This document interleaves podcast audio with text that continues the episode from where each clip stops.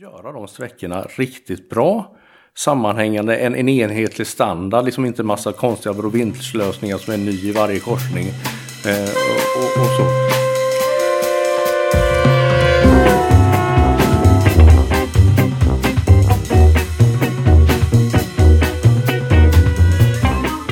Cykelfrämjandet i Göteborg vill höja vardagscyklingens status på grund av cykelns miljö och hälsomässiga fördelar.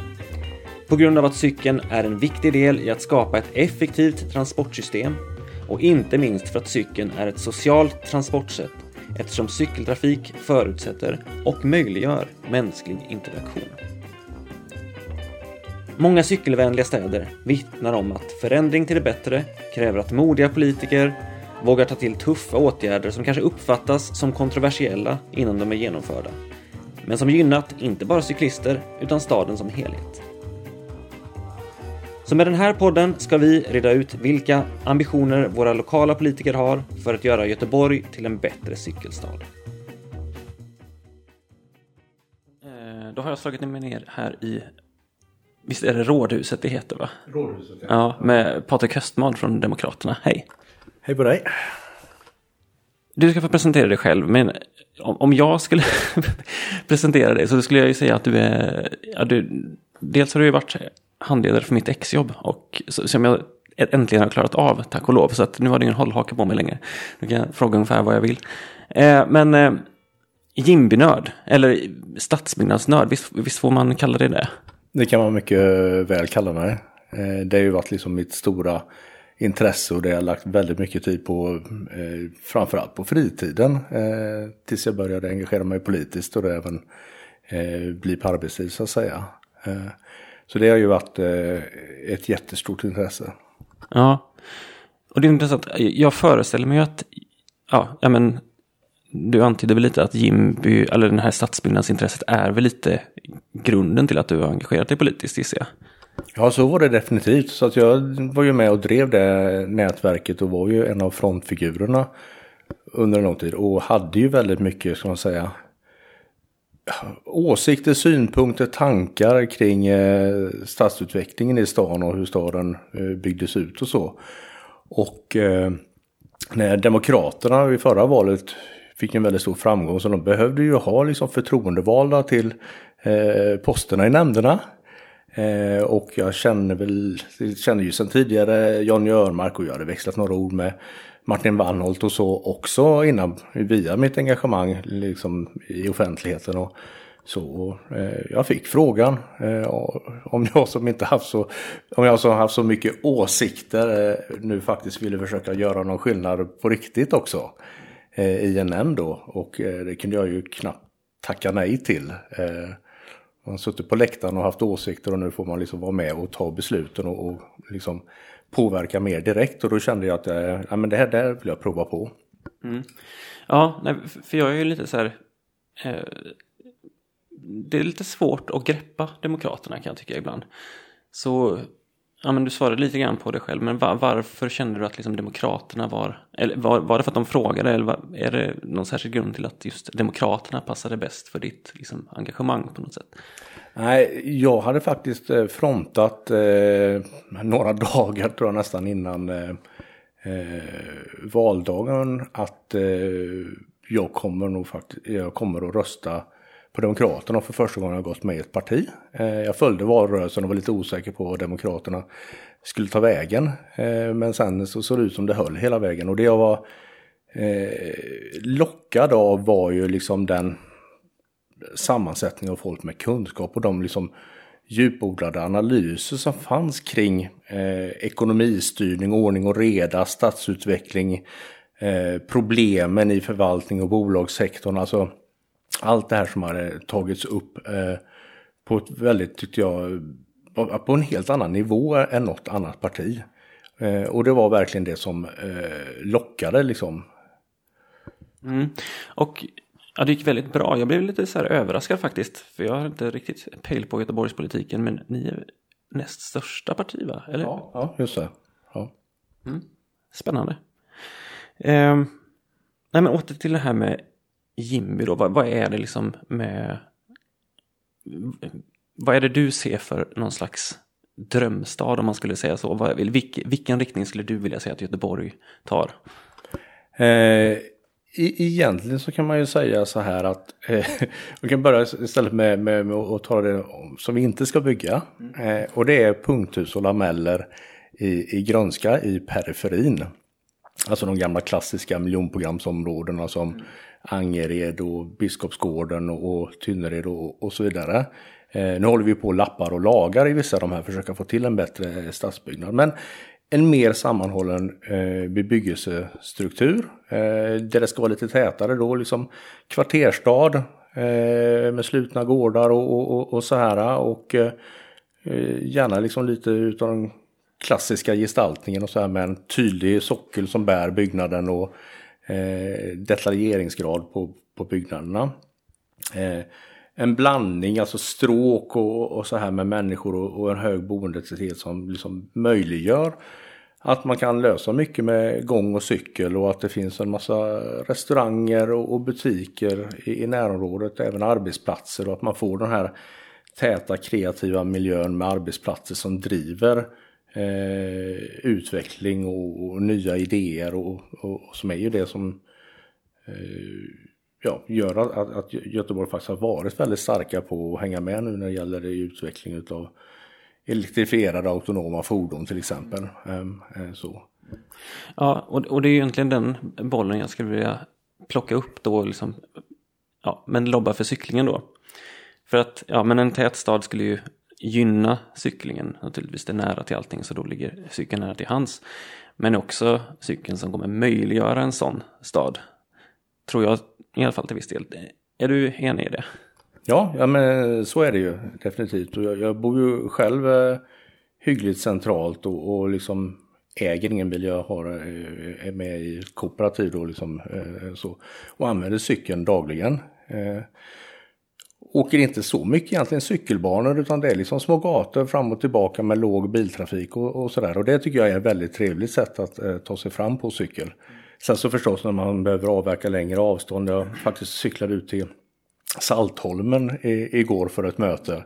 Eh, då är det ju faktiskt ganska bra att det finns en hel del eh, vad jag, långa sträckor som är obrutna eh, och så. Och den sträckan är ju bitvis lite konstig när man ska in i Eh, ett villaområde så vet man inte riktigt var cykelbanan tar vägen och vi hamnade lite fel och fick vända tillbaka. Och, och vi åkte också in tror jag alldeles för långt på något ställe in i, i eh, Saltholmenområdet. Då. Så att eh, eh, det finns ju mycket att jobba på.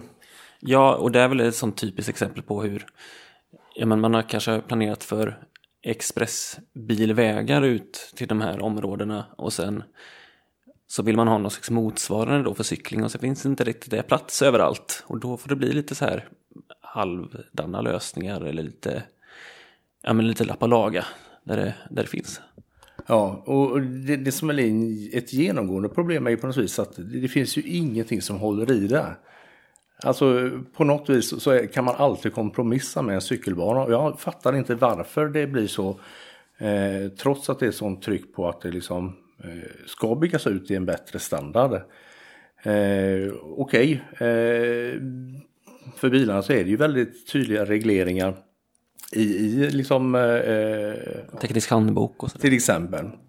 Eh, så, så där är det, du får inte dra ner det och göra det hur smal som helst och du får inte liksom, sluta vägen helt plötsligt i en 90 graders eh, sväng. Liksom, det, det, är ju...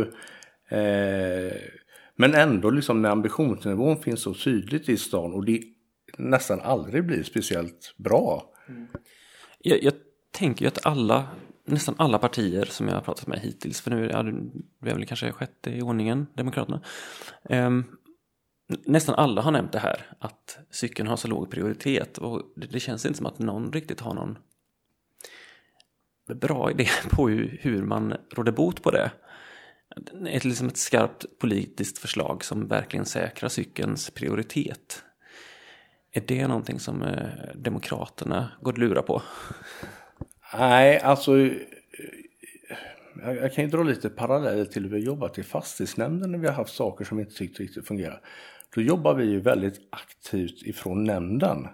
Och jag upplever att trafiknämndens politiker där, och det är ju liksom höjdare från stan som har suttit där, de nöjer sig med liksom här lite eh, dåliga svaren som kommer tillbaka. Eh, jag, jag fattar inte varför de inte ställer tydligare krav i det sammanhanget. För kan man göra det direkt på direktören eller direkt på anställd, eh, ansvarig tjänsteman och säga att nu vill vi att det här ska uppfyllas. Liksom, sådär. Om ni inte klarar det så kom tillbaka då tydligt och redovisa vad som behöver ändras. Liksom. Men eh, det verkar som man, man är, är nöjda med lite cykelprogram och lite någon, någon rad i, i, i, sina budgetar liksom, och sen så ska det lösa sig själv. Men det gör det inte. Vill man ha verklig förändring då får man faktiskt gå in och, och, och, och ha en, en djup dialog med eh, förvaltningen om frågan. Mm. Ett tydligare politiskt ledarskap eh, hörde jag Blärta Hoti säga igår när jag intervjuade henne. Men, men något sånt i den riktningen. Starkare politiker som vågar liksom säga ifrån. Ja, Eh, det handlar inte om att ha uppsträckningar utan det handlar om att ha en aktiv dialog liksom, och liksom undanröja hindren och, och ge förutsättningarna och eh, säga ta med förvaltningarna ut på platser och, och, och, och, prata om hur det ser ut. Jag, jag vet ju, jag hade ju en, en, en beef med, vad heter hon, Malin Månsson som var cykelansvarig. Ja, när de byggde om vid Chalmersplatsen så satte de en skylt med pilar som visar vilket håll man ska åka åt. Liksom. Var så här typ till Göteborgs centrum eller till Mölndals centrum och, och sådär.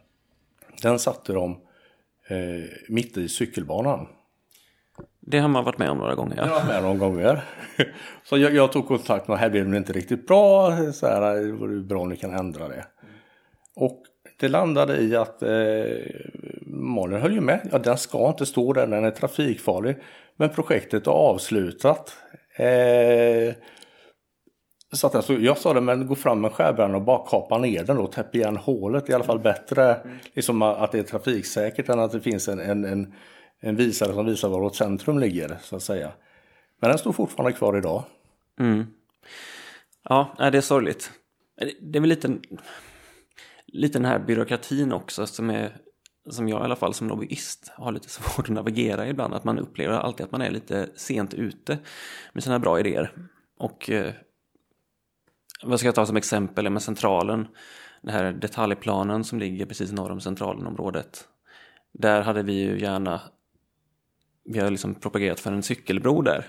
I anslutning till Hisingsbron som ska liksom då ansluta till, eh, till allén till exempel då.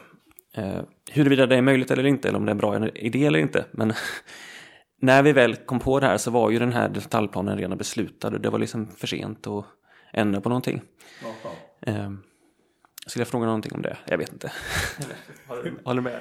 Nej men så är det. Sen, sen är det ju liksom komplext eh, i, i, många situationer. Och jag, jag tänker väl lite så här att Börjar vi dra oss in i centrala stan, liksom inom vallgraven och kanske Vasastan, Linné och, och, och sådär. Då kan man kanske inte förvänta sig att det är liksom eh, autostrader utan trafikljus så att säga. Eh, så att det, det, blir lite kom, det är svårt att, att, få det riktigt bra. Eh, av naturliga skäl. Mm. Eh, så, så, jag tänker väl att inne i centrala stan så, så ändå kan det vara eh, lite hänt att, att, att det blir lite mer utav det här, som så här blandtrafiksgatan som man tar sig fram i och, och, och, så. Det kanske är lite problematiskt att man försöker att separera på platser där det egentligen inte finns plats och, och möjlighet att separera på ett bra sätt. Mm. Ja, just det. Nej, men, eh, skulle jag plocka upp det här på något vis då? Jo, jag tänker det här blandtrafik. Och så tänker jag på, jag var i Köpenhamn för inte så länge sedan. Och jag upplever ju på Köpenhamns gator. Köpenhamn har ju en mycket starkare cykelkultur än Göteborg. Ja. Men jag är bekväm på ett helt annat sätt i Köpenhamn att cykla i blandtrafik än i Göteborg. Kan du uppleva det också? Ja, definitivt. Och vi saknar ju lite kritisk massa här. Alltså när jag, jag brukar cykla ibland lite på eh, nedre delen av Linnégatan emot Järntorget. Eh, det är väl tanken att man ska åka landsvägsgatan egentligen men det passar inte mig så jag cyklar lite i biltrafiken. Då är man ju rätt ensam. Eh, det hade varit en helt annan sak om vi hade varit 30 cyklister som ska fram ungefär framtidigt. För då sätter man ju lite eh, man anslaget att det, det här är inte bara till för biltrafiken så att säga. Ja, precis. Och eh, ja, jag tänker det, Göteborg har väl en lång väg att gå innan man kan liksom cykeln blir så pass, ska man säga, normativ. Att man känner sig så pass normal som cyklar på Göteborgs gator. Um, ehm. en annan fråga, nu tycker jag vi kan nörda lite här. jag, jag, jag eh, funderar på hur man bäst beskriver eh, transportsystemet i en stad. För jag, jag, jag, har också börjat läsa lite böcker om ja, men Jane Jacobs, gissar jag att du läser också en hel del. Ja, visst. Eh, och jag tänker att ofta så tycker jag att man, transportsystemet bäst beskrivs av liksom, ekonomisk teori snarare än ja, man, man säger, flödesdynamik. Alltså så här, det är ofta så man pratar om transport. Ja, men hur många bilar får vi plats på, på den här gatan? Hur mycket, hur mycket måste vi bredda för att den här, det här flödet kommer fram? Men det är inte riktigt den vetenskapen. Eh, håller du med om det? Ja, men jag vet inte riktigt. Men man, man, man kan väl säga så här. Min, min, bild av det hela är ju att vi har ju haft väldigt framstående trafikingenjörer. Mm. Eh, både i Sverige i stort men, men inte minst i Göteborg. Eh, så som utifrån Stig Nordqvist kanske? Är det till exempel, ja. ja, ja, ja. Hela skaftgänget, eh, liksom sådär. Som, som då ut efter ett antal, säga, lite förenklade principer eh, börjar fundera på hur man ska hantera flöden och separera trafikslag och, och, och, och, och sånt här. Eh, och samtidigt tappar stora delar av en stads funktion i det. Sen har de liksom då blivit väldigt framgångsrika. De har implementerat det här i stor skala, både liksom i det nya som utbyggdes i, i Göteborg på 50, 60, 70-talen. Men även liksom hur man ställde om centrala stan.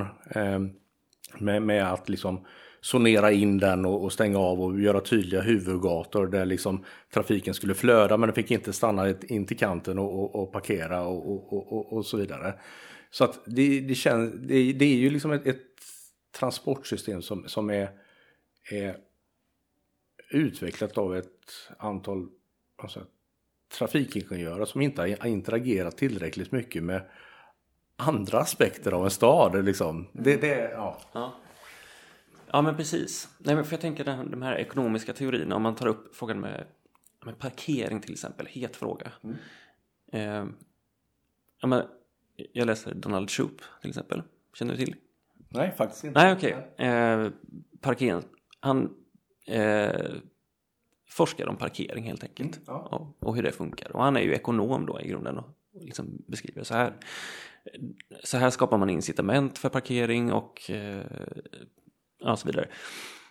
Och han beskriver ju men, gratisparkeringen som ett perfekt exempel på allmänningens tra tragedi till exempel. Ja, ja, Att liksom man, man, kommer aldrig kunna liksom tillgodose behovet av parkering genom fler parkeringsplatser utan man måste liksom införa någon slags marknadsreglering. Eh, och om jag läser Demokraternas partiprogram så är man om parkeringsfrågor så känns det som att ni är ganska för parkering. Eh, bland annat lagt ett förslag om gratis parkering på Heden. Eh, är du in... ansvarig för... Nej, det är du inte. Men, eh, men du är insatt i den frågan? Ja, det, ja precis. Det, det, inte, det, det, var inte min idé eller så. Men, men jag kan ju ta resonemanget eh, bakom det. Det är ju liksom nu när vi hamnat i det här pandemiläget och halva stan är uppgrävd, liksom flödet in utav kunder utifrån har ju kraftigt gått ner. Eh, och pandemin har ju också dragit på, alltså, eh, driver på omställningen till mer e-handel och, och, och, så. Så att stan har ju det lite kämpigt. Eh, och, och, då tittade vi lite på vad finns det för lösningar man skulle kunna göra för att få hit lite mer kunder och som ändå skulle fungera. Eh, och då är det liksom kanske lite låg beläggning på eh, den parkeringsplatsen eh, under helgerna, söndagarna. Mm. Så då skulle man kanske kunna göra det för att få sätt att locka till sig lite fler kunder och, och, och, och få liksom på sikt då att liksom stans eh, utbud liksom kan finnas kvar. Eh. Ja, och det med pandemin i åtanke så kan jag väl tycka att det, ja, det kanske är logiskt då. För folk kan inte ta kollektivtrafik i så stor utsträckning under pandemin. Nu är ju pandemin per definition över. Eh, men liksom parkerade bilar, kan de verkligen liksom matcha om man säger kollektivtrafiken då? I, i liksom volymer som volymer av folk som kommer in till stan. Tror, tror du att eh, Ja, alltså bara nu, nu, nu, nu, nu resonerar jag som en trafikingenjör. Mm, eh, Titta på liksom eh, antalet folk som trycker eh, så, Men som jag ser det lite för Göteborg. Eh, Göteborg är en relativt gles stad. Eh, förutom de centrala delarna då. Vilket vi ska råda bot då på förhoppningsvis. Ja, ja precis. Det, det, finns mycket att göra där. Eh, men det gör att väldigt många har inte liksom en attraktiv kollektivtrafikresa att göra. Man kan fundera på att växla över vid pendelparkeringar till kollektivtrafik och så. Eh, men men jag på säga, alternativet, och det är, ju, det, är ju, ganska tydligt då om man liksom försvårar för alltså, bilburna att komma in till stan och handla. Så driver man liksom med ekonomin istället till områden som Sisjön eller Bäckebol och, och, och, så. Så det handlar liksom om var den marknadsandelen ska hamna. Men, men kan verkligen innerstan liksom konkurrera med de här externa köpcentrumen? Ja, de har, alltså innerstan har ju vissa kvaliteter som de externa köpcentren inte har. Eh, och så, åtminstone utomhusmiljön är inte alltid så mysig i, i de här externa köpcentren. Eh, och där har vi ju liksom här i innerstan en, en mycket mer så att ja, levande stad, det är mysigt och mycket folk, det är liksom spanläge, det är kaféer, restauranger och så. Så det kan ju bli mer av en helhetsupplevelse. Och det kanske är, är, är någonting som man i högre grad liksom använder så att säga till fest eller som, som en upplevelse snarare kanske än en nödvändig inköpsresa mm. eh, i vardagen. För då har man kanske inte alltid tid att nästla sig.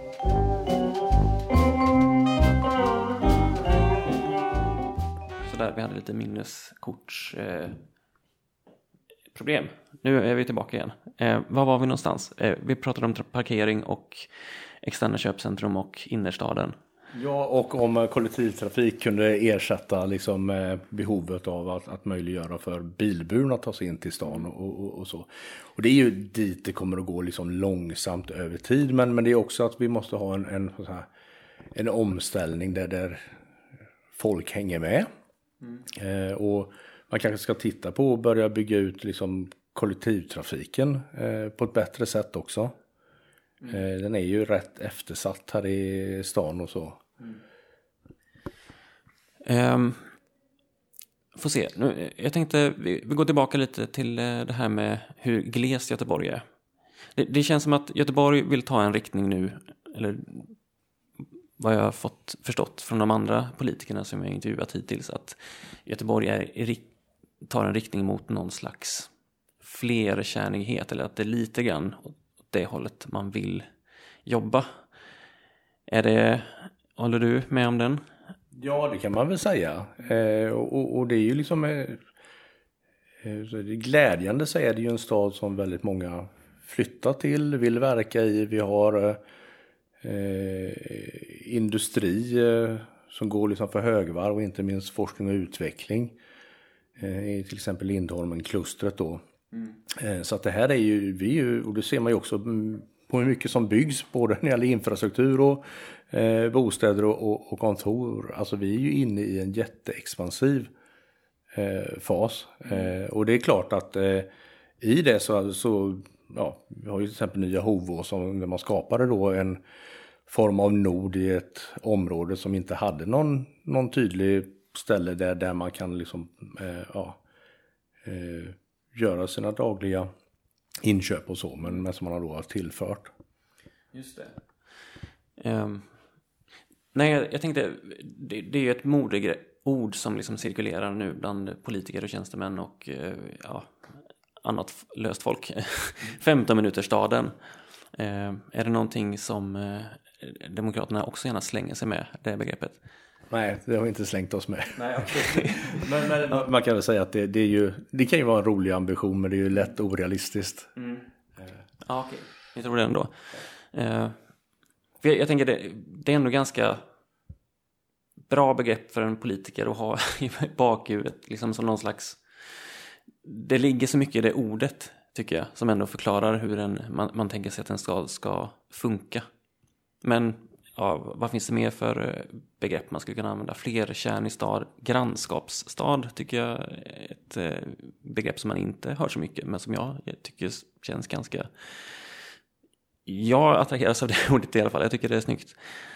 Ja, nej, men det, det som, eh, jag jag som är på gång nu är ju att eh, sossarna och vi och VMP gick ju in nu och förtydligade lite i översiktsplanen som snart kan antas att eh, vi vill att det är kvarterstad och trädgårdsstad eh, som byggs. Mm.